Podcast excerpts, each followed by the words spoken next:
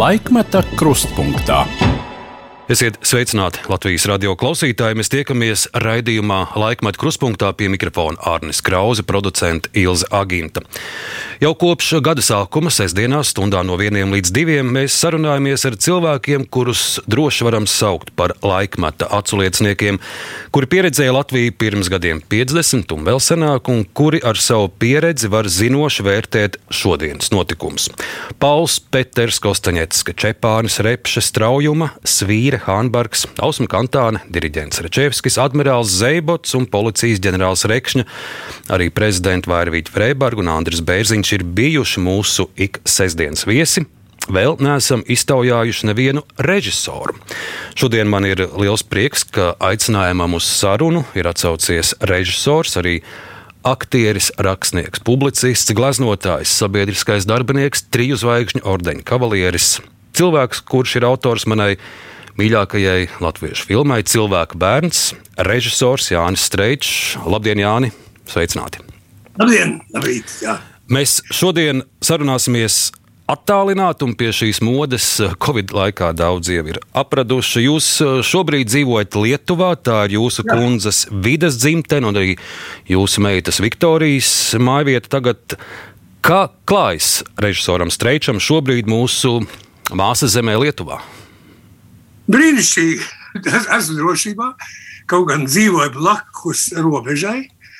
Un ļoti bīstamā vietā tas soļu koridors, jo esmu tā starpā starp Grodņu un Soļiem.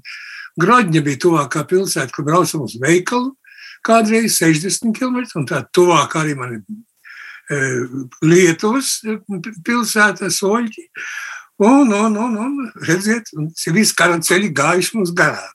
Un tad, kad bija šeit tas robežas incidents ar robežām, tad jau tepat kaimiņos kapčāmies, pat bija tāda, nu, tā kā ar kādu situāciju izsludinātā. Un, un nu, e, svešiem, svešiem tur nu, nebija vēlams iebraukt īpaši, jo tomēr kā nekā man tā pilsonība tas nav noformētais Latvijas pilsonis. Un es vienu ierobežu vērtnieku. Ai, man tas abas robežas ir blakus. Es braucu uz Poliju, var izbraukt caur mežu, saprotiet, pa meža ceļu. Bet vienā tā gribēdams izbraukt no meža, iebrauc pie neparastas robežas. Domāju, kas tā par lietu, kas robeža, kas sudarstvenai granica zakryta. Man aizmugurē brauc, skatos lietuviešu robežas sargi. Izrādās, esmu piebraucis pie polijas robežas. Visi smējamies arī viņi. Ziniet, modri viņi pazīst savus, es taču ilgi dzīvoju, bez tam vēl biju sijā, savā miesnē esmu goda pilsonis. Un, tas, tas ir nopelnīts sakarā mūsu gleznotāju līdzdalību šeit plenēros, un šeit mani pazīst kā, kā gleznotāju, kā mākslinieku, kas mm, lietuviešu, latviešu gleznotāju sadarbību aktīvi veicu. Tie, kas mūs šobrīd redz video formā, arī var redzēt uh, vienu gleznu, kas ir, kas ir uz fonā. Tādēļ pie tās pat, pat jā, pareizi. Tā ir pat labāk. Te man ir tāda jumta istabiņa, man darbnīciņa.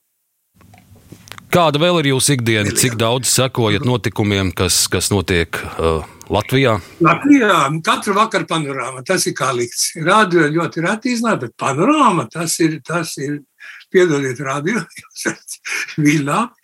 Un nekas, bet šodien, šodien gan jūs stundas garumā būsiet radio viļņos, un man uzreiz arī ievadā klausītājiem ir jāpastāsta, ka šis nebūs raidījums par Jāņa Streiča filmām. Tādi Latvijas radio jau ir tapuši gana daudz un saglabāti Latvijas radio fonotēkā, bet filmas mēs, protams, pieminēsim no lielā veikuma dažas teātri, limuzīnu, arī filmu, kuru mana paudze nav redzējusi. Es pieļauju, nu vismaz es neatminu, ka filmu tikšanās uz piena ceļa pēdējos gados televīzija būtu rādījusi. Tā tapusi 1985. gadā un stāsta par karu. Jā, arī par karu Ukrajinā tikai pirms 80 gadiem.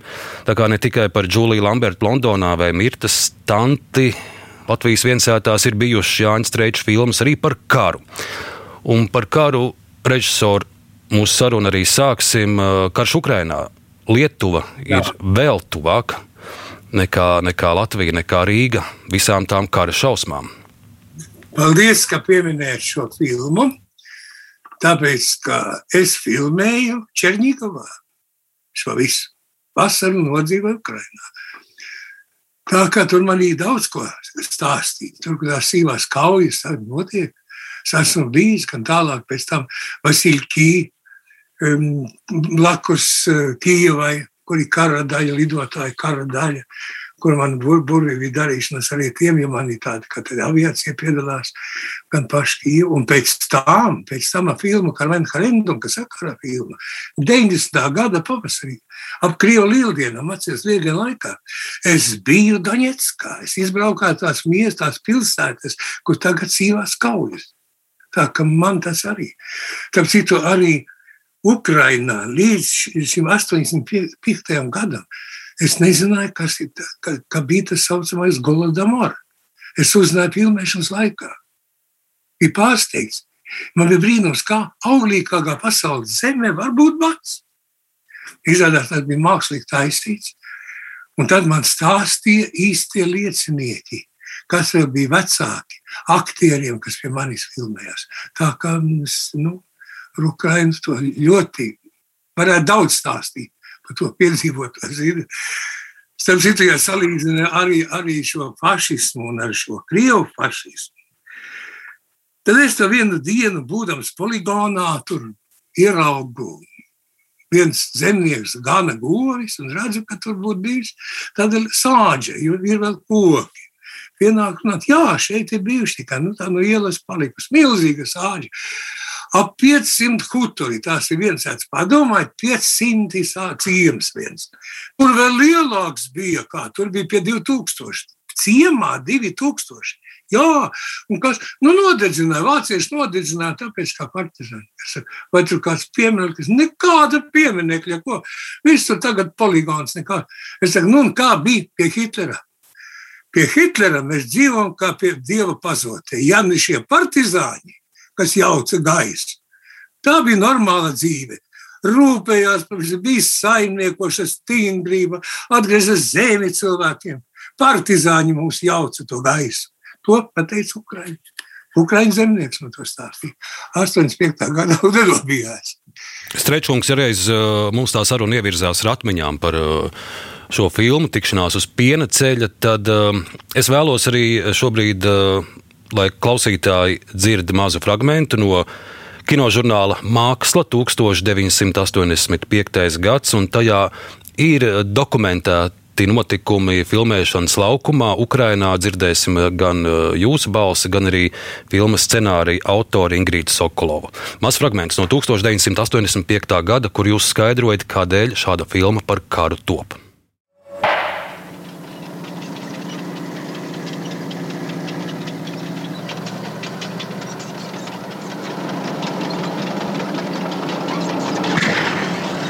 Īpaši karsta šī vasara bija filmas tikšanās uz piena ceļa grupai, kas karoja režisora Jāņa Streiča vadībā. Kā bija kara 85. Tāpēc, lai nebūtu kara ne 85. ne 86. lai šiem pušiem nebūtu jāvelk kara mundieris, lai nebūtu jābrīna kara dubļi, jācieš kara rētas, lai tas viss tikai spēle, lai tās ir spēļu lietiņas, tādas lidmašīnas. Tas viss jāatjauno. Grūti taisīt karu, ja nav saglabājusies ne tehnika, ne ieroči, ne apģērbi brīžiem neizdodas. Bet, kad izdodas, tad mums to visu vajag atkal no jauna padarīt pa vecu, apdzīvot, novalkāt. Iztaisīt tādu, kā tas būtu tiešām piedalījies kara darbībā. Kara tēma un miera tēma. Starp šiem jēdzieniem mūsu mākslā novelkam vienlīdzības zīme, un filma par karu ir filma par mieru. Mums savā darbā vajag restaurēt ne tikai tehniku, mums jārestaurē arī atpakaļ. Mums jāatcauc atpakaļ tās dienas, tie notikumi, cilvēku likteņi. Tā kā to redzēja scenārija autora rakstniece Ingrīda Sokolova.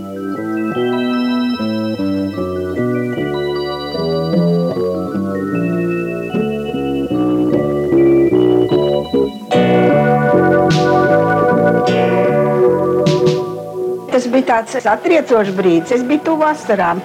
Jo man liekas, ka mana jaunība man skrien pretī. Un visi, kas redz mūsu abus blakus, saka, kā tā taču esi tu jaunībā. Nu, un atdzīvojās viss, ko es esmu redzējis un piedzīvojis karā, jo tur nav nekā izdomāta. Nu, es domāju, ka sieviete karā tas vispār ir ļoti tāds eh, smags moments, jo sieviete taču ir dzīvības devēja, dzīvības turpinātāja un nevis dzīvības iznīcinātāja. Mēs bijām 800 tūkstoši sieviešu karā. Bet eh, es domāju tā, kad ir tādas mūžīgas kategorijas - mīlestība, uzticība, draudzība, labestība, tas ir tāds ļoti varens spēks. Un vienalga, kādos apstākļos nokļūst cilvēks, viņam šīs cilvēciskās pamat izjūtas ir jāsaglabā. Mīlestība karā viņa bija īpaši skaista un īpaši traģiska. Jo bieži vien tas bija tikai dažus mirkļus, viss tas turpinājās. Un tāpēc man liekas, ka tie, kas bija kopā no kara laikiem, mīlestības vienoti, tie arī šo mīlestību saglabāja cauri visai dzīvei. Lūk, režisors šāds fragments, 85. gads, un jūsu vārdi, lai nebūtu kara. Es veidoju filmu par karu. Nu, karš šodien notiek. Jā, ir dīvaini, ka tā, tomēr tā ir tāpat padomju armija, pa ko mēs taisām, un tas sievietes liktenis šī armijā. Bet uh, filma ir uzņemta, tā kā Ingrīda Soklava teica, uzsver šīs mūžīgās vērtības, kas nezūd, kas kara laikā tikai sāsinās. Viņas kļūst aktuālākas mūžīgās vērtības trūkums, par ko arī tiek karš karot. Tas tika šī filma uzsvērts, un tāpēc gribu pastāstīt, ka tā bija ļoti populāra. Pateicoties šai filmai, es tiku ielūgts, es biju Spānijā pie kino producenta, kurš popularizē padomu filmas. Viņam šī filma ļoti patika. Ināras Lutska ciemojās divās Latvijas Amerikas valstīs ar šo filmu. Inārai, Inārai Slutskai galvenā loma šeit. Galvenā loma Inārai Slutskai, jā. Tāpēc, ka viņu es esmu rīkojis tā kā mm, lietuviešu grafiks Stāsis Krasauskas. Viņam ir e, sērija arī antimilitārā, kas saucas Amžinai ģivī, mūžam dzīvī. Tas ir par kritušajiem. Žēl, ka es tam varētu, varētu parādīt, nedomāju, ka ienāca prāt, ka tas tagad ienāca nejauši improvizēt sarunā. Bet tur ir tā, melnbaltajā grafikā zeme, zemē guļ karavīrs. Viņam galva ir kaska un nav zvaigznes uz tās kaskas. Es ar Stasi Krasovski iepazinos, un to viņš arī viltīgi darīja. Uz vāka tam visai sērijai ir karavīrs ar zvaigzni, un visiem rodas situācija, ka katram tas, kas guļ apakšā, nav zvaigzni, bet tas ir mūžīgais karotājs, mūžīgais karavīrs, kas cīnās par dzīvību augšā dažādi dzīvības veidi. Tur ir bērns, koka stādīšana, mīlas apkampieni, dzīvē, trauksme, vilšanās, tās visas asaras, tas ir melnbaltā grafika, kas izaug no šīm saknēm, kad cilvēki upurējuši savu dzīvību. Tāds ir šis Staša Krasauska paraugs, šis lietuviešu viltības paraugs, kā viņi apsagloja šo režīmu, prata uz to jā, uz savu neatkarību. Strečkungs par, par šo filmu tikšanās uz piena ceļa kultūras akadēmijas profesora Inga Pērkona ir rakstījusi, ka filmas kulminācijas epizode ir viena no izcilākajām epizodēm vispār latviešu kino. Tā ir dots nosaukums Krustceles, milzīgs karalauks, kurā iet padavušās Vācijas armijas daļas un padomju armija un uh, visas daļas sajaucas kopā, ir uzlidojums, cilvēki sajūg lielā muģeklī, nav atšķirība, vai tas ir vācietis, uh, krievs vai gruzīns. Savam laikam ideoloģiski neuzbāzīga filma, tā profesora Pērkone vērtējusi šo jūsu darbu. Jā, paldies. Bet cik bija grūti uzfilmēt, tāpēc, ka tik tiešām bija liela nabadzība. Man prasa, cik man armija piedalījās. Neticami, es tagad aizmirsu Man uz rokas pirkstiem saskaitāma tehnika, bet tā bija montāža, tā bija nu, rūpīga, pārdomāta filmēšana. Tā kā ar tiem, tā kā ar tiem kamieļiem Mikls Roma filmā, kad viņam ieradās komisija, kad teica, viņi tika barojuši tur 11 kamieļus, Bet faktiski viņiem bija desmit, vai kur tas 11. Viņi saka, dodiet man materiālu, es samontēšu. Viņi samontējuši, ja skaita iznāk 13. Kā jums tad 13 bija neviens? Nu, viņi saka, mēs atradām iekšējās rezerves, izbarām 13 kamēļus, gan patiesībā bija 9. Tā man arī mana tehnika bija.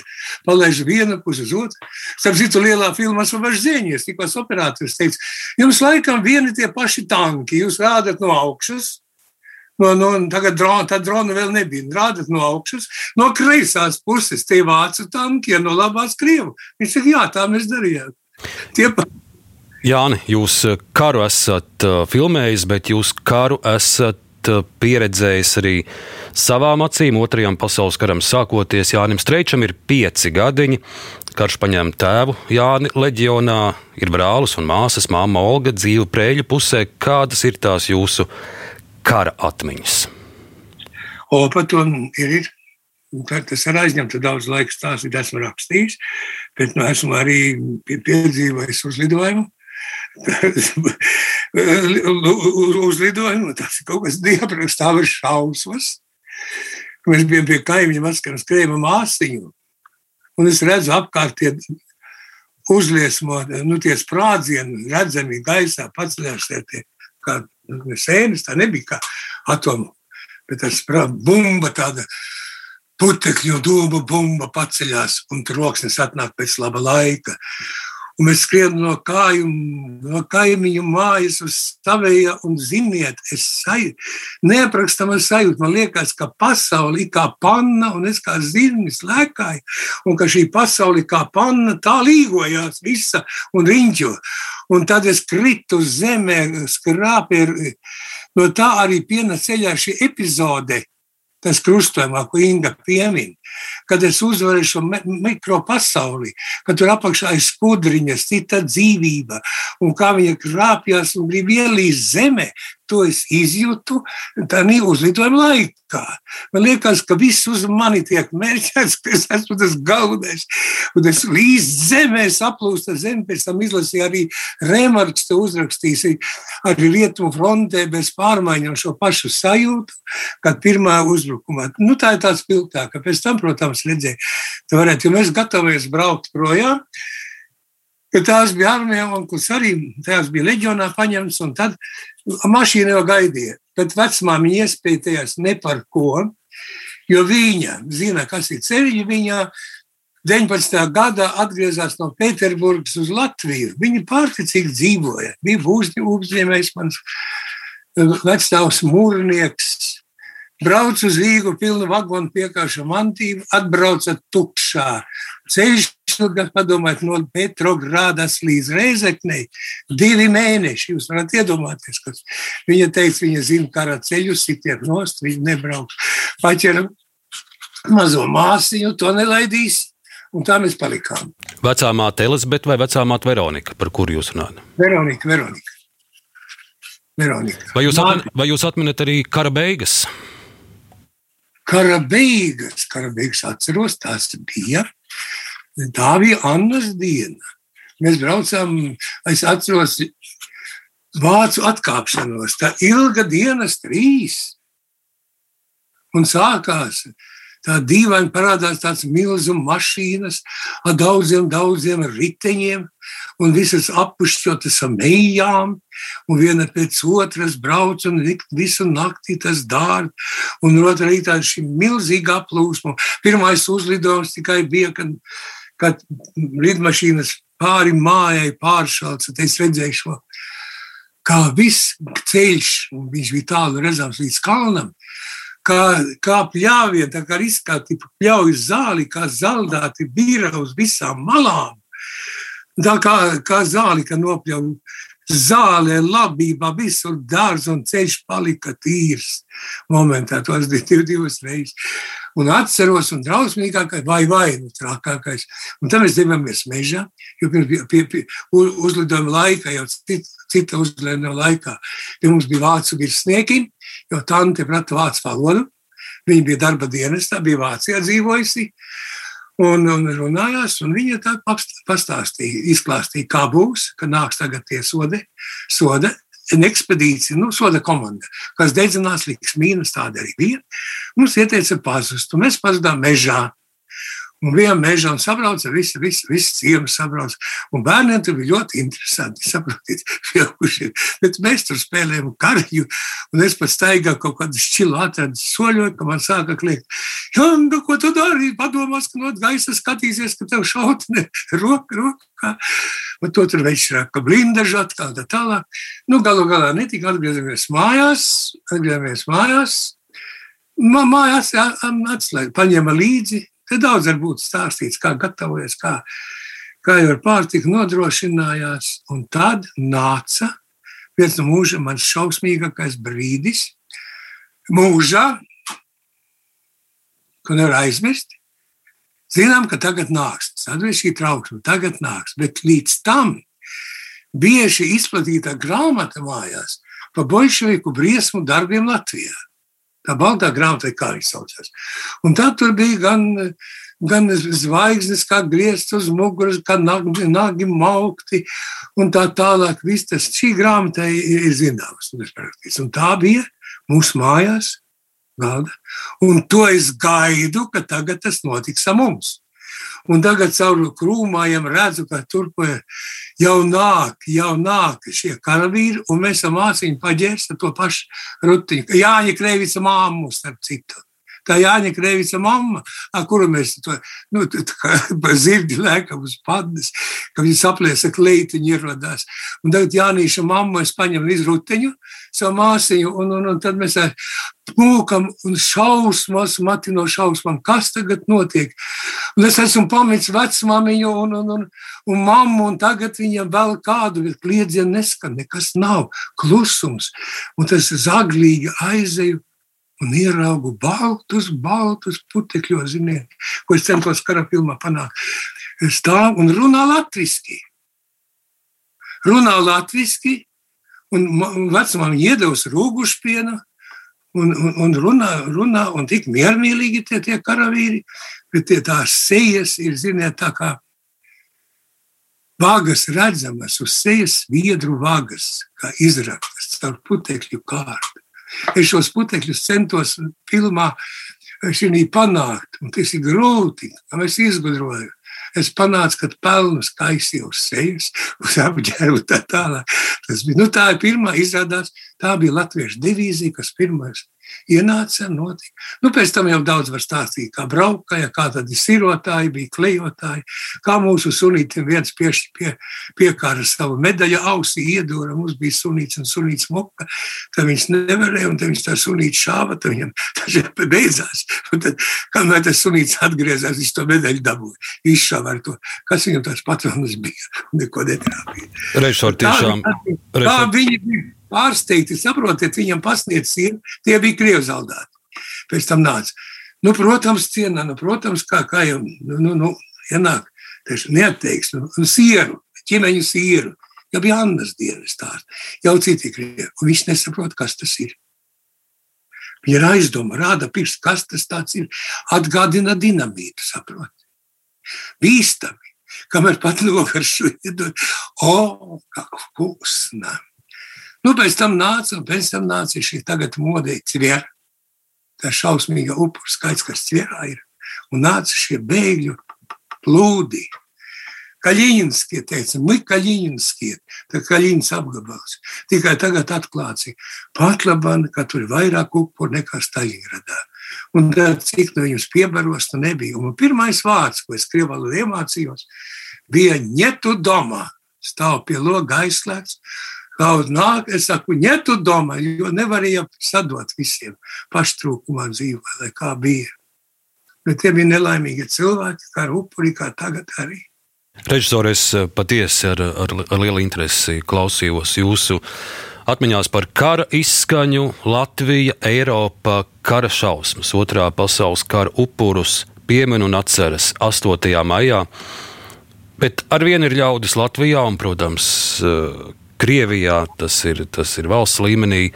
9. maija un, un, un šīs pompozās svinības, es vēlētos jūsu skatu, jūsu vērtējumu visam tam, kas šonadēļ ir pieredzēts 9. maijā un vairākas dienas pēc tam Pārdogovā pie okupācijas pieminekļa.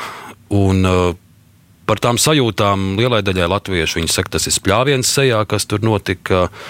Um, Krievu ļaudis uh, daļa saka, ka, ka viņi ir uh, sarūktināti par to, kādā veidā tika aizvākti šie ziedi. Uh, jūsu vērtējums, jūsu skats par visu šo, kas ir šonadēļ pieredzēts? Atlagošos.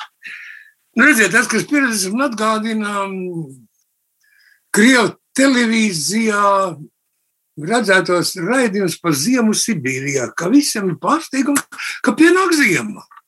Ka nav ne malkas, ne kurināma, nekā. Ziema pienāk, kāds brīnums dabā. Nu, ko brīnamies? Tā ir normāla lieta, pie tās mūsu nolaidības un, un vienaldzības un, un neapziņas situācijas svarīga un nopietna neizpratne. Gan valdība pagaidām gan valdībā, gan citur. Nu, tas taču bija gaidāms sen, ka tika vajadzīga viena lieta, otra, kā pilns ar provokatoriem. Vai tad to nezina mums, kas par drošību atbild? Vai tad domā, čeks maisim atdot ir aģenti visi? Viņi pa pilnam šeit Latvijā ir. Tie uzskūda to visu. Un tas, kas notika Ziedoņa, tā ir provokācija visīstākā. Jo paskatieties rezultātu. Jūs, jūs, Strečkungs, jūs domājat par to, kā to ziedus aizvāc, ja kāda traktora visu? Jūs jā, jā, uzskatāt, nu, tā ir provokācija. Provokācija, tāpēc, ka tika filmēts. Vai ne? Tāpēc, ka momentā staradās. Tā visīstākā provokācija, kā tas jāsaprot un jāizseko, kas ir šie provokatori, kas to sakūdē. Jo ļoti, ļoti nu, bezrūpīgi ir tie, kas izlēma, ko, ko vakar skatījos panorāmu ko, ko arī pilsētas galva akcentēs aizstāvēt, ka tu tā izleme, ko nekāda kolēģija. Vienaldzīgi ne, neaptvers situācijas nopietnību. Cik nopietnība? Es domāju, situācija ir tik nopietna, ka mūs glāb pat labam tikai karš Ukrainā. Tas dod pamatu jau krieviem nākt pie mums un atbrīvot, kā viņi aizstāv. To nesaprotat, vai to, ko tas tiek mērķēts. Bet, ja runājam, tā, tā kā lūdzu, bet, bet kas pie mums? Mums līdz šim nav, nezinu, kāds prezidents vai kaut kāds memorandums, vai kā Lietuvā, kad radās šī krīze ar tam robežu pārkāpšanu, pa, par šo situāciju Latvijā, kas ir sāsināta, kas prasa, ka šis, lai būtu, kaut gan tam nav juridiska spēka, bet tāds memorandums prezidenta vai drošības padomas, kas ir, kas liek attiecīgi arī rīkoties un pieņemt citus lēmumus, varbūt pat šajās dienās izsludinot komendanta stundu. Parāda, paziņot tautai, ka situācija ir ārkārtīgi nopietna un kritiska, ko nedara. Tagad izlemt, tagad, tagad, Tagad redziet, tāpēc, ka tur viņi var naktī atnākt, uztaisīt zvaigzni, tad šamanismu rituāli. Bet tu taču ir policijas tēvā. Tā ir provokācija, vistīrākā veida provokācija. Pirmais. Bet otrais, vispār jau bija gaidāms, taču arī kas jautājums visu laiku gaisā, ko darīt ar pieminiektu. Es arī izpētīju, paskatījos to lēmumu, ko Ulmanis parakstīja, kurš ir vienošanās ar Krievu 94. gadā. Izlasīja, izpētīja, jā, tur tāds punkts ir kapu vietas un piemiņas vietas ir, ka tās saglabās. Ņemiet vērā, ka līdz ar to, tik līdz mēs to nojaucam, visas Latvijas mocekļu piemiņas vietas, tiks, viņas jau tiek apgānītas, bet tiks nojauts Krievijā. Momentā. Tur daudz šaubu nav. Tā kā vācam nost, vācam arī tos pierējus. Man bija ideja, šī ideja man līdz šim ir, un es par to pazvanīju Mārim Kučinskim, viņš atzina, ka tā ir lieliska ideja. To lietas pateikšu. Bet tā netika realizēta. Es teicu, šis piemineklis, sen tas notika, ir jāpakļauj Eiropas sankcijām, sankciju sarakstā. Viņš ir jā, viņam jāuzliek arests šim piemineklim. Dīvaini skaitās. Bet saziņā Eiropas padomi, mēs neesam vien pārējie, viņi iekļauj sankciju sarakstā šīs piemiņas vietas, uzliekam tam arestu, iežgam, jo tās neatbilst tai armijai, kas šodien kā fašisti tirani, nu, iznīcina Ukrainu, tiem nav nekā kopīga ar šiem karavīriem, kuri tomēr atbrīvoja Eiropu. Un tā Eiropa arī uzskata visu. Un viņš šodien. Un tas dod pamatu uzlikt arestu līdz Ukrainas pilnīgai uzvarai, par kuru mums nav šaubu, kuram ir svēti ticam. Un tad tas atrisināsies pats par sevi. Saprotiet? Nē, Pāris teica, ka tā ir brīnišķīga ideja. Es uzskatu, arī. Bet, nu, redziet, nu, redziet meklē kaut kādu juridisku atrisinājumu. Pat juristi palīdzēs šai lietā. Kāda juristi mums ir Eiropas padome? Mēs esam valsts neatkarīga. Mēs varam šos likumus šodien izdot darīt. Rīkoties, vai, bet ļoti viegprātība liela šeit ir. Un, un šīs situācijas nopietna neapzināšanās Un pats tāpēc situācija ir drausmīga, tāpēc, ka es zinu daudzus cilvēkus, nu, arī mūsu ģimenē, lielajā ģimenē starp radiem, ir naids jau. Sakarīgi krievi, kur te jau, jau tās jaulības ir. Jau māsas ar māsu nesarunājās, nesatiekās. Tā. Mūs pat rados man. Tāpēc, ka šie dzīvodami Latvijā. Zombēt no tās puses, tāpēc, ka Mēs tikai aizliegt, aizliegt, aizliegt. Nevis aizliegt, nevis uh, cīnīties pret tumsu, bet degt gaismu vajag turēt gaismu, un kāpēc mums varēja būt viens kanāls, krievu valoda. Paldies Dievam, tagad ir novai gazeta. Šī novai gazeta nezinu, bet es pazinu, esmu pazīstams ar, ar Dmitriju Bikovu, kurš kādreiz šo avīzi, es pats esmu intervētas priekš šās avīzes, e, novai gazeta, Krievija Bikovs mani intervēja, Dmitrijs Bikovs. Nu labi, bet varēja būt viens kanāls. Un viens kanāls, kur labprāt dotu tos materiālus, ko es skatos internetā, kas ir, ko tur raksta pat uzrakstīt, ko dara Ņevzorovs, Latīņina, Peigins, Gutkovs, Cimbaļuks.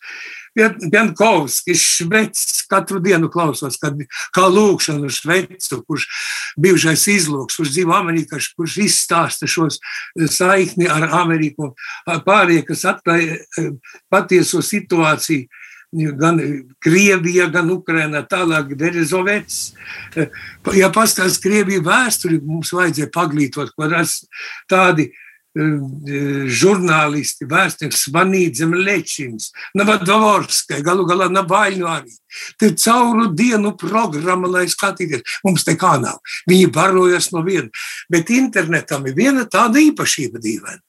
Tikko tu skaties kaut ko vienu, viņš tev pats grūž radniecisko materiālu. Es to atklāju, ka manā mazmeita skatījās muļķikus un tādus agresīvus. Bērns aizgāja tik tālu, ka naktī vairs nevarēja gulēt trauksme bija. Nu, es sapratu, ka tas izdzēs to visu, noregulēju viņai uz šitu. Nevis kā blusas salīd atkal agresija iekšā tā tālāk. Tā es skatos. Tā, tie, es skatos tie ir strēčkungs tā saucamie interneta algoritmi, ka ja tu sāc kaut ko vienu skatīties, tad tev ar vien biežāk to rāda, bet režisori vēl par 9. māju runājot, video kadros no okupācijas pieminekļa 9. un arī nākamajās dienās mēs redzējām gan daudz cilvēkus vecāku gadagājumu, bet man par pārsteigumu tur bija arī pusauģi, arī jaunieši, kuri ir dzimuši jau pēc neatkarības atgūšanas, kuri liela daļa vispār nekad nav bijuši Krievijā, bet kuri ar vienu dzīvo šajā Krievu pasaulē. Nevis, nevis Latvijā man tādas sajūtas. Kāds bija jūs to visu redzot? Nu, es varētu pateikt to. Ciems ir līdzību, kā Putins ir Eiropas produkts kā arī šie jaunieši ir mūsu valsts produkts. Viņi dzīvo mūsu valstī. Es jau atbildēju iepriekš, kur bija mūsu darbs, kur mūsu propaganda tā sauksim. Mēs baidāmies no šā vārda. Viņa nebaidās. Viņš ir propagandas upurī. Ka mēs uz to uzspļāvām. Mēs domājam, ka tas nav vajadzīgs nemaz. Nu, viņi tagad, ko sēž to pļaus, tā notika. Tas ir krievu propagandas darbs. Ja cilvēks ja cilvēkam stāsta tikai vienu, vienu, vienu patiesību, mēs esam maz pazīstami. Ļoti. Ja man stāstīs par jums visādas nelietības, es ticēšu. kas esat baigais izvilties, kas esat aizņēmis pļāgus tā tālāk, ka jūs šodien tikko atkačāja jūs uz tikko uz kājām uzsūtīt, lai es vadītu raidi. Nu, es ticēšu, nu. Man vēl pārsteidz, man ir viens no labiem draugiem šofers, es neminēšu tos vārdus, ko viņš vadīja kādu jaunu cilvēku. Baltkrievs pēc tautības. Es labāk cilvēku neesmu pasaulē redzējis. Es viņu tik sajūsmu stāstīju mājās, kā viņš palīdz vienai ģimenei, kā viņš to apgādā, kā viņš uzgāja to ģimeni, ko viņš dara vispār. Kad esam kompānija, viņš ir mūs visus aprūpē ar saviem tā. Ak, Dievs, Latvijas runās jau Latvijā. Viņš tam visai tic tai un kādus materiālus viņš man piesauta visu laiku tikai tās propagandas, ņirdzīgus arī, kur tiek izsmeļs. Es viņu izsvītroju no telefona laukā. Tā ka tas ir mūsu produkts. Jūt, jutīsim atbildību par savu valsts drošību, par kuru nemitīgi jādomā, par ko jādomā par robežu, ka Latgalē jāceļ kultūras un politiskā barikāde Bet, ja tur atstāja novārtā, tur nav televīzijas vispār, ja tur skatās tikai Krieviju, ja tur pie robežas daži deklasēti domā, ka prezidents ir, ir Lukašenko, Un tas nav brīnums, tāpēc, ka es atceros vienu gadījumu mūsu televīzijā, kad noķer vienu bombu un nomazgā, kas te dzīvo pie vecā stadiona, pie vecā hipodroma piniera kastēs, tādās būdu, ka viņi atmazgā. Un tā viņš tā laimīgs, jā, cik labi tīros palagos. Bet kā tā Latvijā prezidents Kenēdiņš joprojām? Kenēdiņš Latvijā. Kādi tur dzīvo arī tur? Kur ir Lukašenko un sauc? Mūsu atbildību, mūsu uzņemieties šo atbildību. Tie, kas par valsts drošību gādā, tie, kas domā par propagandu, es pieminēju šo vārdu Uzņemieties atbildību, kas organizē šo procesu, kas neliek vietā gaismu, bet tikai cīnās, cīnās formāli, kā birokrāti aizliedzot. Gaismu vajadzēja dot šiem cilvēkiem, jo tur ir pietiekoša opozīcija liela. Pietieši liels arī īstais paties, pietieši daudz humānismu pārstāvji, kas tagad emigrējuši, kas gatavi mums ir palīga un bez maksas šie kanāli var darboties. Režisors, nu, es saprotu, vien, viens jūsu priekšlikums ir, ir vairāk uzrunāt šos cilvēkus uh, un, un uh, viņiem varbūt arī saprotamā veidā. Bet, kanāls, viņš patīcies. Bet, nu, Streiškungs, kā, kā jūs prāt šai uzrunāšanai vajadzētu notikt un skaidrošanai? Mums uh, salīdzinoši nesen arī bija saruna ar, ar, ar, ar Eriku Hanbergu, un viņš teica, ka katram vienam latvietim ir ir jāatrod viens, viens krievs, viens krievu cilvēks un jāskaidro. Un jāskaidro, un jāskaidro gan, kas ir astotais maijs, un kas ir devītais, un kāda ir mūsu es vēsture. Es jau atbildēju. Ir vajadzīgs televīzijas kanāls. Ja tas ir skatījis, ne, nejauši viens pēc otru iesniegs. Jo, protams, stāstīt ļoti interesanti. Viss. Nevajag tur iet. Tās ir kampaņa, kampaņas nelīdzēs. Mēs te runājam par kampaņām, kampaņas nekāds nelīdzēs. Tas viss ir romantisms, nekas. Bet valsts politika, šī informācijas politika, kas mums vajadzīga, nu, viņam ir, viņam ir sarakstā, programmā, jo tie aizraujoši prot stāstīt šie cilvēki, kas tur stāv viss. Strečkungs šonadēļ prezidents Levits, manuprāt, ir nācis klajā ar, ar savos prezidentūras gados tādu skaidrāko un spēcīgāko paziņojumu saistībā ar notikumiem 9. maijā mazs citāts: Cilvēki, kuri iet pie okupantu pieminekļa, nav sapratuši, kurā valstī un kurā gadsimtā viņi dzīvo. Šie cilvēki fiziski atrodas Latvijā, bet garīgi Krievu pasaulē, kas ir atpalikusi un domā pagājušā un aizpagājušā gadsimta kategorijās. Tā šonadēļ teica prezidents Levits. Nu, pareizi. Viņš pareizi teica, bet ko tur pielikt? Atņemt? Kāpēc tas tā noticis? Es jau pirmie paskaidroju, kāpēc tas tā noticis. Tāpēc, ka nav gaisma viņiem. No kurienes viņi ņemt to? Un pabeidzot jūsu domu par 9. māju, es gribu arī saprast skaidri no jums, kādu jūs redzat šī monumenta nākotni, ko ar to darīt. Es jau pateicu, pirmīt. Uzlikt arestu. Es tā, es tā domāju. Bet, ja jauksiet, nu, jauciet arī nost. Rēķinieties, varbūt tas tagad tik vārdu noskaņota, ja tas tā. Es uzskatu, uzliek karas līdz Ukrainas uzvarai. Un tad viņš pats par sevi izkūpēs, ka nebijis. Jo Ukrainas otrs atkal. Mēs ticam šai uzvarai. Tā ir tic visa pasaule darīs. Nu, nu, nu pieciet viņu no šito, šito, šito, šito ko tu darīt. Man vakar ēts izkoda, nu, iekoda, izvilks. Ja, nu, kas par to? Nu, piecieš to. Nu. Var, var dažas pieciest, dažas lietas. Ukraina cieši vēl vairāk šobrīd. Tad jaukt, jaukt nost nevajag. Es nesaku, nevajag jaukt. Es nesaku, es viņu vajag arestēt. Viņu vajag jaukt, bet termiņš pienāks. Lūdzu, mēs baidos tagad runāt. Jums momentā cilvēki tā piesienās pie vārda. Jā, jauc nost, jā. Bet to izdarīs vēsture, to izdarīs laikmets. Tas būs. Es tam ticu. Bet nevajag gribulīšiem būt savus. Gribu, gribu, lai šodien būtu. Padomājiet, kas, kas notiksies tālāk. tālāk. Kas izies? Iznāks tā, ka tam piedraud, uz ielas tie būs bīstami. Sāks dedzināt mašīnu, daudz ir lokta tālāk. To gribat. Padomājiet par sakām. Viņš jānojauc. Es pastāvu par to jānojauc. Es nesaku, ka šodien. Viņš ir jānojauc. Viņš tiks nojauts. Tam es ticu. Tāpēc, ka es ticu Ukrainas uzvarai. Un tad viss tiks notikt. Režisori, jūs ticat Ukraiņas uzvarai, un es esmu dzirdējis, ka jūs uh, jau kopš ievēlēšanas esat uh, licis liels cerības arī uz uh, prezidentu Zelenski. Šī filma Tautas prezidents. Tāpēc, ka es biju ļoti liels viņa aizstāvis, ka daudz netika. Pat bija strīdi, viņš saka, es saku, viņš runās kā labākais orators. Jo viņš ir režisors, tomēr, ja režisori nodarbojās, jo režisori prot redzēt kopumā, kopsakarībā, jebkuras. Un tie pārzina stratēģiju, var zināt ne tikai taktiku, ja viņš, viņš ir režisors. Un runāt arī režisoram jāpārāk. Un viņš tas atcer scenārijus. Man pat liekas, vairāk ka viss viņa šis tautas prezidents, tas seriāls, esat paskatieties. Man liekas, viņš kā tālējošs politiķis ir speciāli radījis šo seriālu, lai tiktu ievēlēts. Lai viņš šī komiskajā, pat it kā lomā, jau parādītos kā tautai un nav pievīlis. Man, man ir par to bezgala prieks, ka es neesmu vīlies viņai bet tam zinot viņa izglītību, zinot, zinot kādu no kādas ģimenes viņš nācis.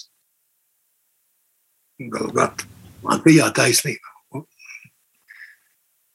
Vēlēsim izturību prezidentam Zelenskim, izturību Ukraiņu tautai un uzvaru. Strečkungs tik tālu pārdomas par šodienu, bet mūsu raidījumā mēs ierasti atskatāmies arī uz notikumiem un pieredzēto pirms gadiem 20, 30 un vēl senākā pagātnē. Un to darīsim arī šodien. Klausīsimies un arī redzēsim kino un audio fragmentus raidījumā Laikmeta kruspunktā režisors Jānis Streičs.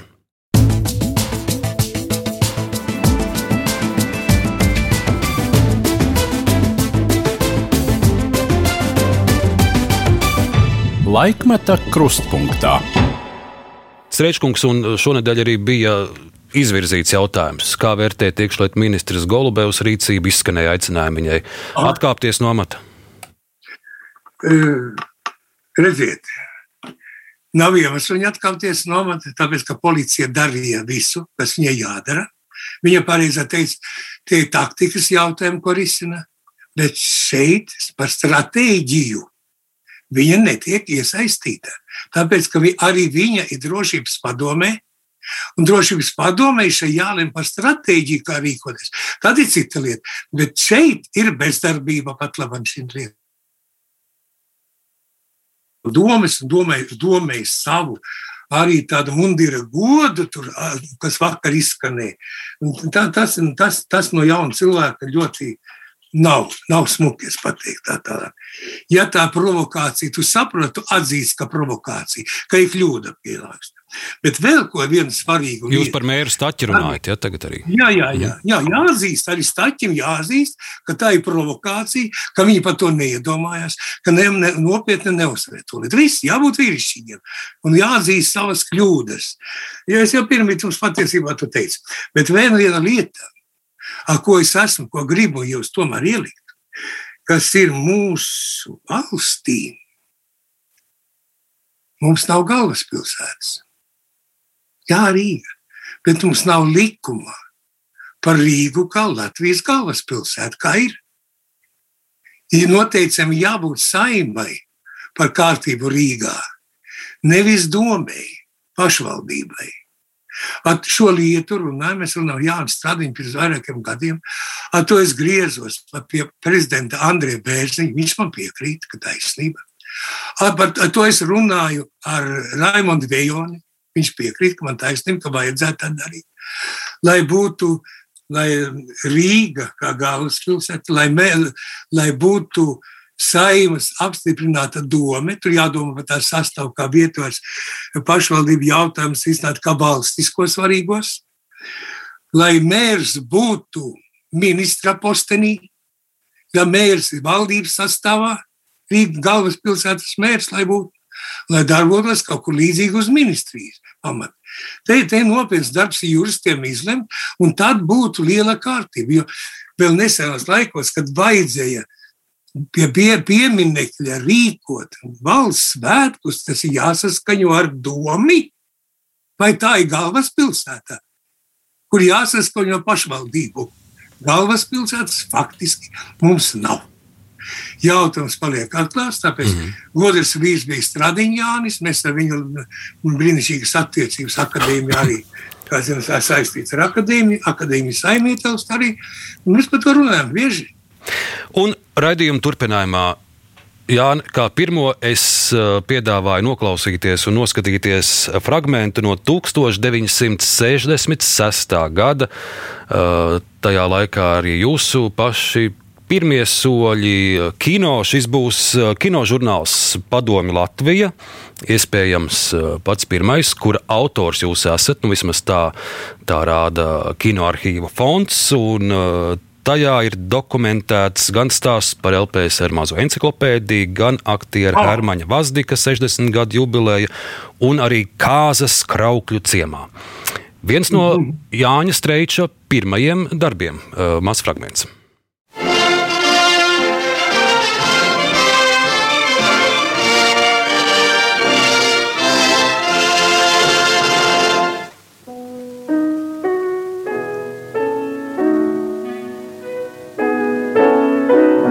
Zinātņu pils.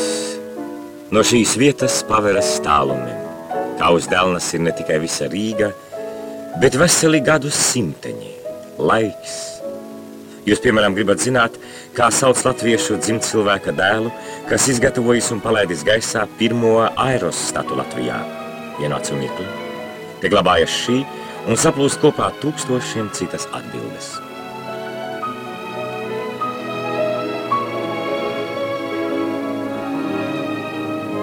Latvijas PSR mazās encyklopēdijas štābs.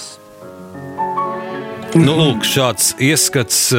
Atcerieties, 66. gads tālais. Ir tiešām tas ir pirmais darbs, pats pirmais mans, jā.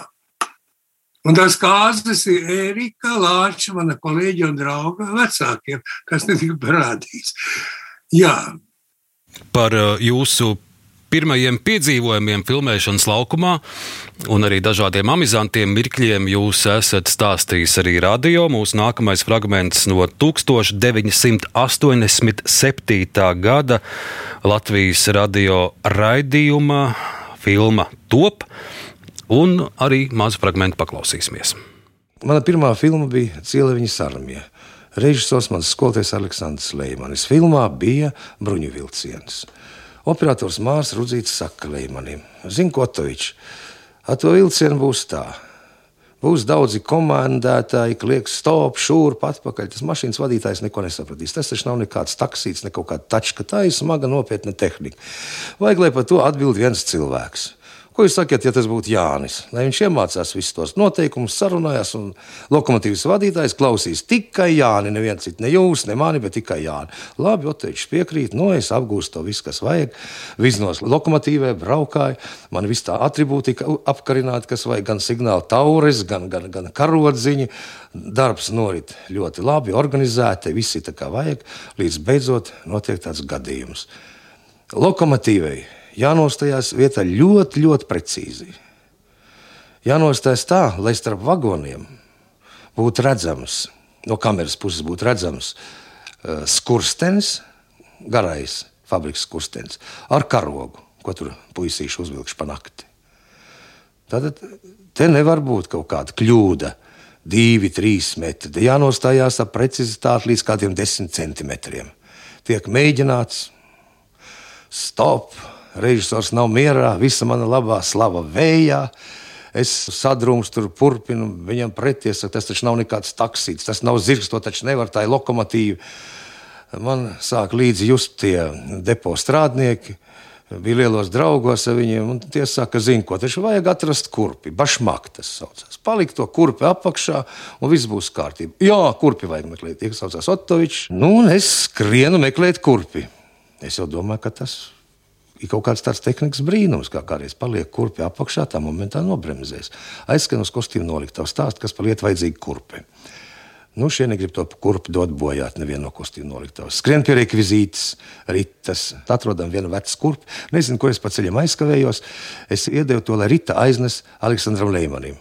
Šī tik pienāk klāt, te ir. Kas tas tāds? Nu, kurpi, kāda kurpi? Jānis teica, ka jūs prasīs. Nu, ziniet, kā viņš aizsvilās. Viņš saka, ka cilvēkiem uh, laika nav izmisuši, nezinu, maiņiet uz beigām, neko nevar izdarīt. Viņam te joki prātā, mūžīgie. Atrads, ko te ņirgāties pa mums. Es tagad tā dzirdu, dzirdu, un nevaru saprast, izrādās tā kurpe. Tas ir viens dzelzceļa gabals, slīps, ko dzelzceļnieki paliek zem riteņa, lai tā lokomotīva vai vagons precīzi nostātos vietā. Nu, ko man bija darīt, atzīties savā muļķībā? Es jau labāk pieņemtu iznarrotāju, tādu podu gāzēju slavu, nevis tādu nejēgu, jo negribējās to labo autoritāti, kas man bija sadarbībā ar lokomotīvu zaudēt. Nu, lūk, šādus podus Jānis Strēčs gā, gāza savas karjeras pirmsākumos, un arī es vēroju jūs tagad pēc daudziem gadiem to klausoties, jums ar viens sejās vaids.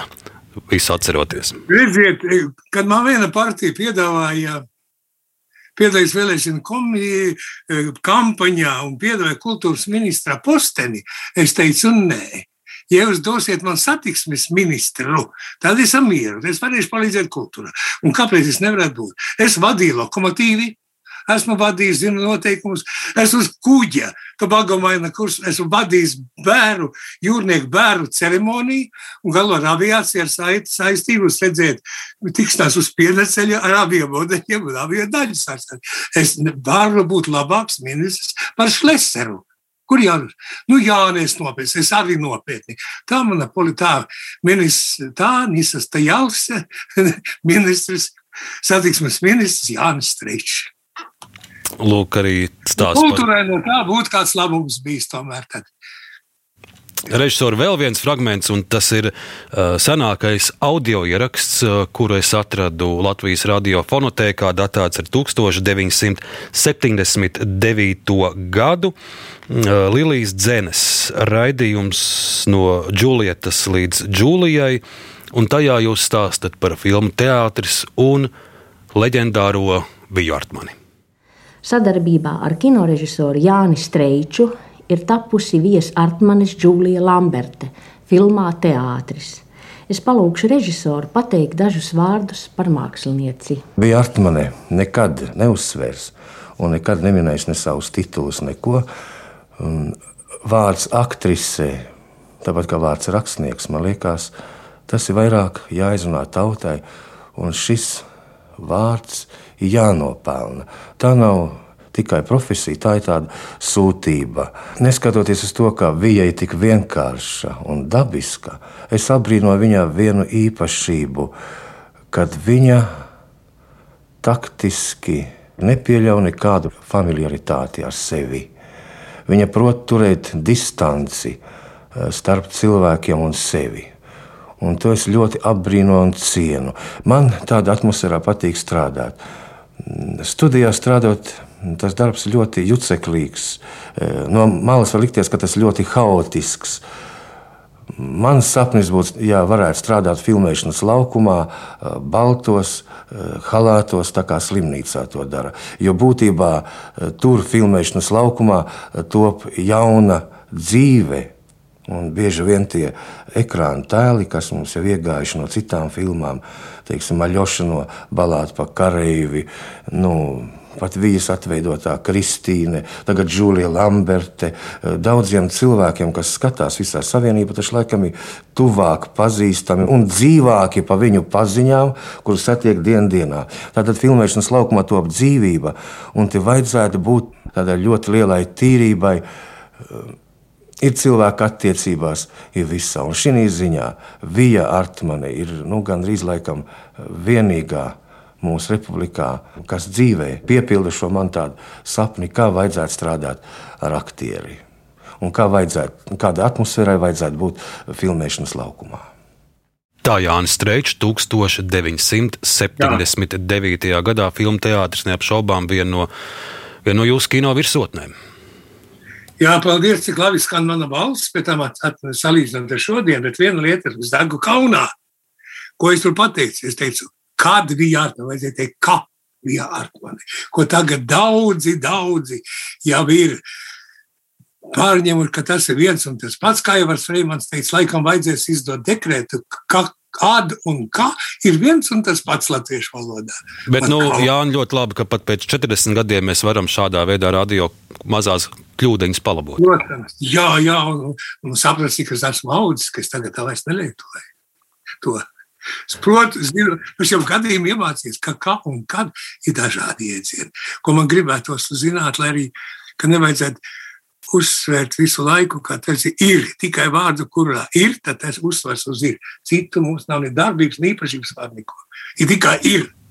Un režisori vēl viena filma, kur es šodien nevaru nepieminēt, arī tādēļ, ka tā ir ierakstīta Latvijas kultūras kanonā Limuzīnas Jāņu nakts krāsā. Mēs nesen raidījumā par filmu arī runājām, jo man viesi bija scenārista Māra Svīra, un par dažām epizodēm viņa stāstīja no filmas par Lāsmiņu un viņas tēlu. Es gribēju arī dzirdēt dažus jūsu skaidrojumus, bet vispirms noklausīsimies fragmentu no 1984. gada Latvijas radio raidījuma, kura autora bija Ruta Darbiņa un viņa iztaujāja gan jūs, gan aktrisi Lilītu Bērziņu, Mirtas Stantes lomas atveidotāju. Man pašam šo fragment bija interesanti dzirdēt, jo, jo tajā pati Lilīta Bērziņa arī stāstīs par savu lomu. Klausīsimies! Kā jums bija iedzīvoties vienkāršā lauku sievietē, un kā jūs vēl pats sacījāt, pilsētas cilvēks jūs esat? Kā jūs sākāt dzīvot viņas dzīvi? Es domāju, ka latviešiem tas nav sevišķi grūti. Mēs jau runājām, ka es mīlu dārzu. Zemi, dabu mīlu, un bez tam es esmu dzīvojis arī laukos. Jo mans vīrs, viņam piederēja mazas lauku mājas, piebalgā, un desmit gadus es nodzīvoju tur. Un cilvēki man bija bezgala tuvi. Mm, visi apkaimē un mīlēja mani. Kaimiņu mājās dzīvoja tāda apiņtante, veca mm, vecinīte ar milzīgu humoru izteiksmi pret cilvēkiem. Un es tā vienu dienu gāju garām viņas dārzam, un viņa vagā tupēja ravēja tur un uzsauca, ej, priedene, kur tu grūdies? Viņas tēls man bija visu laiku acu priekšā, kad es veidoju savu mirtestanti. Es tā domāju, ka tā filma e, mums ir viena no tām filmām, kas arī man patīk. Strēčs bija atradis to, ko es vērtēju visaugstāk. Filmas tautiskums. Mūsu Latviju tautiskums. To, kas mums patīk arī pie gruzīniem. Tas ir tāds pat nenotverami, nepasakāms varbūt vārdiem, ko izjūt no filmas. Kas zuda? kad viņu ieskaņoja krievu valodā. Laba filma, un tikai. Bet nebija tas, kā vācieši saka, tas bišķiņš, vai ne? Tas mazlietiņš. Mirta stante, manuprāt, nebija tikai tāda labsirdīga večiņa. Viņai ir arī tāda, kā saka, tāda ģipa ielikts iekšā. Es vienmēr esmu savos darbos meklējusi tos iemeslus, kāpēc raksturs ir tāds izveidojies. Tāpat arī pie Mirtes Tantas, nu, vientulībā, izņemot tā kaimiņu ģimene, kas par viņu tur rūpējās. Viņai taču nekāda saskarsme 30 gadus nebija bijusi ar radiem. Ka viņa daudz spēcīgāk un asāk uztver cilvēka izpausmes pret atsevišķām parādībām domām, ka viņa daudz redzīgāka un viņa pasaka, ar kā viņa to domā. Tā 1984. gadā aktrise Lilita Bērziņa. Es no šī fragmenta uzzināju, ka izrādās apiņtante piebalgas pusē ir tas prototyps, kur aktrise esot arī smēlusies Mirtantas lomu. Jūs to zinājāt? Nezināju, es tieši otrādi es pateicīgs viņai bez gala par vienu lietu. Izvēloties viņu, man rūpes sagādāja viņas skaistie zobi tīrie. Es domāju, ko darīt? Ko darīt? Kaut kā aizgrimēt, kaut ko darīt. Nu, priekš lauku tantes tik veselīgi skaisti zobi viņai. Kad mēs saģērbām tālāk, apsēdās grimētavā pie spoguļa, lakatiņš galvā, kā jūs mīts redziet. Piepišķi acis priekšā saliecās uz priekšu, kaut ko aiztaisīja mutē roku, iztaisnojas, viņa palika bez zobiem. Es taču nezināju, ka tāds protēzis līdz tam nodzīvoja saprot. Mani ķēra tāds pārsteigums, ka nevar parunāt. Un viņa saka, vai kur es līdzīga savai mammiņai tagad? Viņa tā māmiņa bieži bija. Un viņa teica, ka tā kā viņa apcerēja to aiziešanas skatu, viņa, viņai bija sava tāda vīziņa, varbūt vajadzētu tā kā mana māmiņa sēdēja šeit istabas galā, sēdēja un tad Un tad viņa tā iet, iet un aiziet, un aiziet un pazūd. Tā bija tā vīzija, mā, māmiņa bija. Un tad viņa vēl teica, sēdē, viņa saka, vai jocīgi? Ā, viņa sēž tā, un piepriekš sāk smieties. Kas ir? Es saku, vai es tā te izdomājos, ko te vajadzētu uzlabot, ko te vajadzētu kārtot, te piebūvēt, da. Un tad es sapratu, ka tas taču nav mans, viss, ka tas ir filmā, viss. Viņa bija tā iedzīvojusies, ka sāk jau to kārtot nākotnē šai mājai. Jā, jā. Nu, tas bija kaut kas liela dzīves laime, die, Dieva dāvana man bija. Gan tikšanās ar biju, gan ar, ar, ar Lilitu, bēžasim zvaigznēm. Jā, tādu. Arī tur Evalds Valters bija. Nu, tur bija daudz kas labs starpīgi tiešām. Scenārija autora Māras Vīra teica, scenārija autora Māras Vīra mums raidījumā teica, ka viņai atšķirībā no daudziem tā nav tradīcija katrus Jāņus skatīties limuzīnu filmu, kā ir Jānim Streičam? Man arī nav, bet, ja nu gadās tur esmu, kaut kur gadās. Ne tikai Jāņos. Nē, nē, tā tradīcija man nav. Ir cits, arī, arī man nav. Bet, nu, bet kad viņi ieslēdzās, tad neviļus viņa tomēr tur ir tāda, nu, mani, mani tie kolēģi, mīļi aktieri panākuši tādu dzīvīgumu, viss, ka tas Uzpēc atceros, Varis Krūmiņš nāca skaņojumu filmu. Viņš bezgalīgi nāca skatīties. Viņš teica, Jāni, kā man gribās būt tādā kompānijā. Tur. Tā tas bija. Nu, man vēl viņa tuvā to, jo man, mans tomēr tāds sapnis piedzimis Latgalē, un Latgalē izglītībā dabūjis līdz 14 gadiem nodzīvojis. Latgalē es uh, gribēju filmu par un paldies Dievam, kad to netaisīja, ka tas novelīja cilvēku, bet es latgali iedvedu šī filmā. Limuzīnā. Limuzīnā pirmo reizi pateicoties Romikam Ansānam parādās Latgali, kas ar man tā zīmīgi šajā filmā ir. Un izskan vārds Čangalis arī. Jā, aktuāli tas aizgalīts Brežņovam sūdzībā aizgāja. Man un tos to arī, bet bija jau citi laiki. Man teica, turpmāk esiet uzmanīgi, es nu filmu jau gāja. Un pēc tam galvenais, kas sūdz mani, bija no tukuma latgalieši.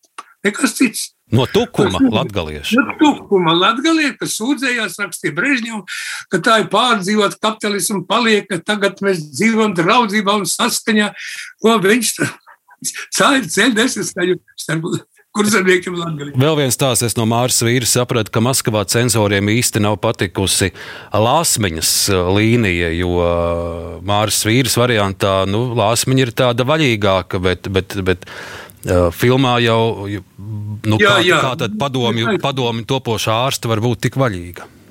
Nu, tā ir taisnība, tas tā bija iecerēts, un manī scenārija bija, bet tas bija kategoriski. Ka. Tur, tur arī ilgāk jāstāsta kategoriski tāda prasība, bet man vajadzēja pierādīt. Man vajadzēja pierādīt par katru cenu Līlitai Bērziņai pateikties ar šo lomu, jo viņa man noņēma kompleksu, mans draugs nenovietnes cilvēks. Man bija bail no aktieriem. Man Līta Bērziņa man izārstēja. Es viņai esmu pateicīgs bez gala. Un man bija personīga traģēdija, ka scenāriju pieņem. Un es piekrītu, es saku, pagaidi, nedabū. Un mēs par to smējamies. Gribu, gribu, nedabū. Un nav. Jā, tā tas var būt. Un tā mēs vienojamies ļoti labi. Un man liekas, ka tas ir labāk. Nekā Laila Lāsmija tur tiešām būtu tāda netiklīgākā, un viss, bet viņa tā izdaroja to puisi, un mēs par viņu smējamies tā par šo. Tā kā, jā, jā. Kādreiz ar tādu aizgāju, pat, pat, pat, pat labi nāk. Un vēl režisori man bija pašam pārsteigums izlasot uh, Māras vīras stāstu, ka tur uh, uh, varonis ir vārdā Mārtiņš, bet filmā mēs jau viņu ieraugam kā Ēriku, Ēriku onkuli. Es zinu, ka arī jūsu brālis ir Ēriks, vai tur ir kāda saistība? Nu, tieši viss īstākā saistība. Nu, Ēriks, viņam jau viņš to zina. Nē, nē, saistība citu. Nu, man Eriks Lācis vēl draugs bija arī drusciņi tādi. Nu, šie, šie abi vīrieši ir tādi, ka tas, ka pavagāta laika apmēram no brālis, viņam bija daudz piedzīvojumu visādi, gan Erikam Lācis un tā tālāk. Bet es atceros vienu ziemeļnieces romānu, es atceros, Unset vai kā, es nezinu, kur, kurš bija viens Lācis jaunībā romānu, tad tur bija teikts, Jā, ēriki nekad nav bijuši īsti vīrieši. Un tāpēc man liekas, Mārtiņš, kas ir no spēka simbols, mums Mārtiņš, Mārtiņa diena, ka tāds ir. Nē, nē, tam jādod tāds, tā, tāds vieglāks vārds ēriks. Un tāpēc es arī pateicos brāļa tādam runča gaitam un, un Erika Lāča. Es, es, es, es izvēlējos šo. Divi, divi ēriki man bija par iemeslu. Arī, bet brālis to neņem jaunā. Nu, lūk, tādas kino atmiņas, bet es raidījuma ievadā pieteicu, ka Jānis Streičs ir arī sabiedriskais darbinieks, un arī 88. gadā jūnijā uh, radošo savienību plēnumā, kas lielā mērā aizsāga atmodas kustību, Jānis Streičs kāp tribīnē un runā pie mikrofona. Jūsu runa ir saglabāta Latvijas radio fonotēkā un fragments no tās. Jānis Streičs, vai tu runāsi, jeb tu atsakies? Īsi, īsi. Bet lūdzu, labi. Jūs dzirdēsiet, viņam ir laba balss. Viņš ir beidzis teātris fakultāti. Paldies, Girta. Es gribu atteikties no vārda par labu lēmumu apspriešanai jo tas man liekas ir svarīgākais šodien, ne tikai šodien, bet kas notiks un kas būs rīt. Marija Kristiņēcka pareizi pateica, mēs elpojam skābekli, tās ir neaizmirstamas dienas, tās ir kultūras dienas. Latvijā kāds līdz šim nav bijušas, ja vārdu saprot kultūra, nevis izstādes un nevis eh, pa kazuhu VDNH vai koncerts, bet kultūru kā dvēseli, kā dvēseli Vaļģēlavaņa, Brabativaņa, tad tās bija trīs kultūras dienas, bet lai viņas nebeidzās, lai iet dzīvē, tāpēc ir no svara lēmums, ko tagad pieņemsim. Un es lūdzu biedrus, draugus, dāmas un kungus, kas šeit atrodas, pārdomāt, vai ir kas jauns, tik svarīgs, kā tikko teica Kolbergs, ja tās ir emocijas un variācijas jau izteiktajās gudrībās un domās, tad no vārda atteikties. Bet pat cik es esmu strībīgs un nevaru nociesties, ko gribēju. Kā gribēju uzdot vienu jautājumu, kas ir nomenklators? Vai zina kāds? Vai tad ir labi? To vārnīcā nevar atrast, jo tas izņemts kā Ždanovskais žitkas no idiota priekšpēdējās nodaļas. Tas izņemts no vārnīcām ir nomenklatūra, nomenklators. Tā atrast vecās vārdīcās. Tas ir vergs, kas pavadīja savu saimnieku un nosauca nezināmo pretīm nākošo personu vārdus. Nomenklatora.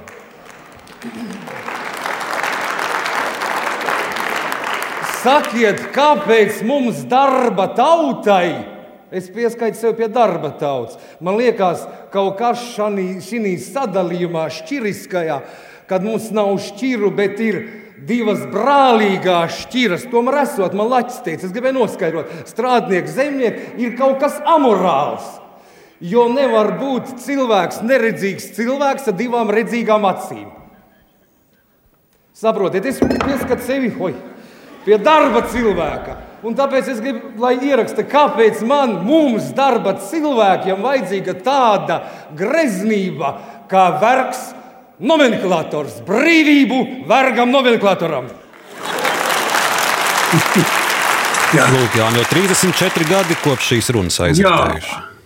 Jā, es vēl kādā citā teicu brīvību šiem nomenklatūram, un es teicu, vā, atdodiet, at, atņemiet proletārietam dzīvnieku rājiņu, atdodiet tautai, atņemiet buržuāzijai simboliku un atdodiet to latviešu tautai. To es teicu. Tā sakarībā. Tā tas bija. Jā. Un Jāni, vēl paliksim pie atmodas gadiem. 1989. gads notiek Latvijas Tautu fórums. Un uh, stāsts ir par uh, latviešu kultūras biedrību, kinožurnāls Padomu Latvija. Un tajā dokumentēta Andris Vējāns, Antons Kūkojs un Jānis Streičs. Fragments. Mēs esam Latvijas daļa, ka mēs esam latviešu tautas porstovība tos tautas, kurai ir divas literāros valodas, kas apstiprinātas grāmatos, kas apstiprinātas visā mūsu dzīvē, un tāpēc par šīm ideāliem mūsim jāstrādā, jāzacīnās toļo. Lai mums iznāktu avīze, lai mums būtu kalendārs, gada grāmata, lai mēs apgūtu kultūras montojumu un apgūstot kultūras montojumu, tad mēs pat nevaram šodien paredzēt, ka ir augsts latgalīšu literatūra. Ne tikai dzēnīgi, bet varbūt pat prozaiki noks. Un ja noks tādi, kas gribēs kūpē latviešu rakstu valodu rakstēt, lai Dievs viņam arī palīdz, izīs latviešu vispāriem lasētājiem prīškam. Aizstāviesim savu latgolu. Ļoti daudz kas sāp. Latgala ir pēc dabas ļoti skaista zeme. Un sāp tas, ka šis skaistums sāk palikt nevienam nevajadzīgs, jo Latvija sāk palikt tukša. Aiziet vecā zemnieku paudze uz neatgriešanos, lauki paliek tukši. Vai atgriezīsies tas tikums, kas Latvijā bija svēts, darba tikums, lielās ģimenes tikums, skanīgo dziesmu tikums? Es ceru, ka atgriezīsies. Latvija ir Latvijas pamata pamats, kas jāatcerās. Latvija ir treš, trešā zvaigzne karogā. Un tā Latvija trešā atmoda. Bez latgales tā nav iespējama, jo nevar atmodu bez pamatu, pamata atmodas. Jo no šejienes cēlies vārds Latvija, no šejienes no latgales cēlies sarkanbalts, sarkanais karogs. Galvam ir šo vainagdēļ,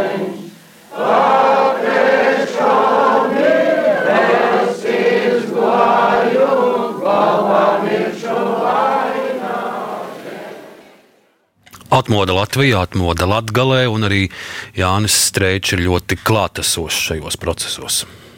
Vienīgais labums, ka man izdevās, laikam, kā diplomātam, karatoram toreiz, izbeigt strīdus, kas bija savā starpā vairākas biedrības uzreiz bija, un vienā dienā ar interfronts radīšanu, kas bija blakus, radīt šo kultūras biedrību apvienību, Un tas bija mans uzstāšanās rezultāts. Izdevās, par to es esmu tik priecīgs. Vēlāk atklājās, ka tomēr jau ir sava valsts un citas iespējas.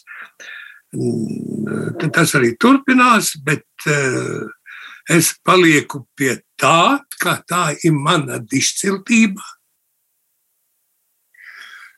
Paliek pie tā, ka mēs devām valodu, vārdu, karogu, nekādus zili, zili balto, bet sarkanu, baltu sarkanu kas ir kas senais latgaļu karogu, kas minēts sen, senos rakstos, kā jāsaka.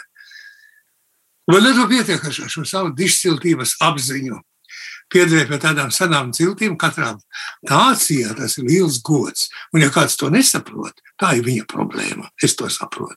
Un, kā man, kā man bieži saka, kā latgalieti, pie manis griežas šodien, kas nodzīvojas vairāk kā 60 gadus Rīgā, es saku, dorgies, nāc latgalīs, es esmu reidzinieks.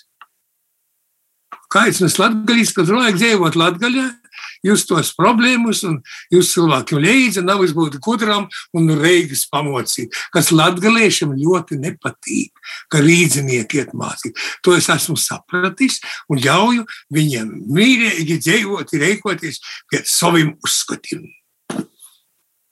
Režisori mūsu sarunas noslēgumā mēs šodien raidījumā daudz runājām uh, pirmajā daļā par karu. Uh, jūsu nojautas, jūsu prognozes, jūsu arī uzmundrinājuma vārdi mūsu klausītājiem. Jo daudz, protams, šobrīd ar lielu satraukumu sirdī dzīvo un vēro visu, kas notiek. Esiet modri un viltīgi. Paskatieties, tas ir mūsu dāvas. Daļa latviešu rakstura daļa. Paskatieties, mūsu pasakas, pa puika, gan puika un velnu kā piemuļķo, kā tur ezīts tur apsteigto zaķi un tā tālāk, kā kungulis. Sava biltība vienmēr ar mērķels rakstīja par to, rakstīja par to, ka tu nevis, neesi gudrs par to latviešu zemnieku. Viņš tev domē, noņemt cepuri un klanās, bet ko viņš domā, nezina. Mums sava bildība, diplomātija, pacietība šodien ir vajadzīga, ņemot vērā, ka mums joprojām ir milzīgs dinozaurs, kas blakus izlaiž savu pēdējo garu, kas tā var būt pa smirdoņu, un tā ilgs ilgi.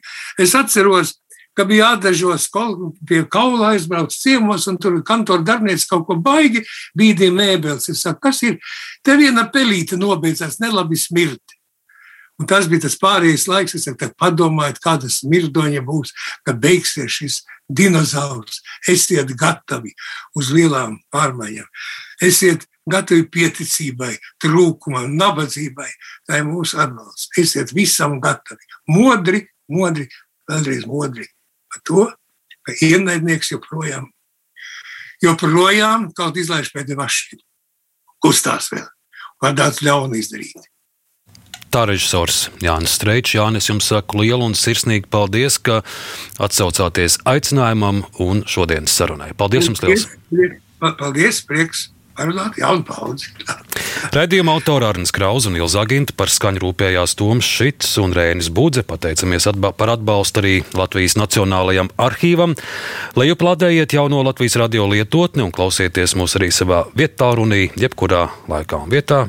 Turpiniet klausīties Latvijas radio.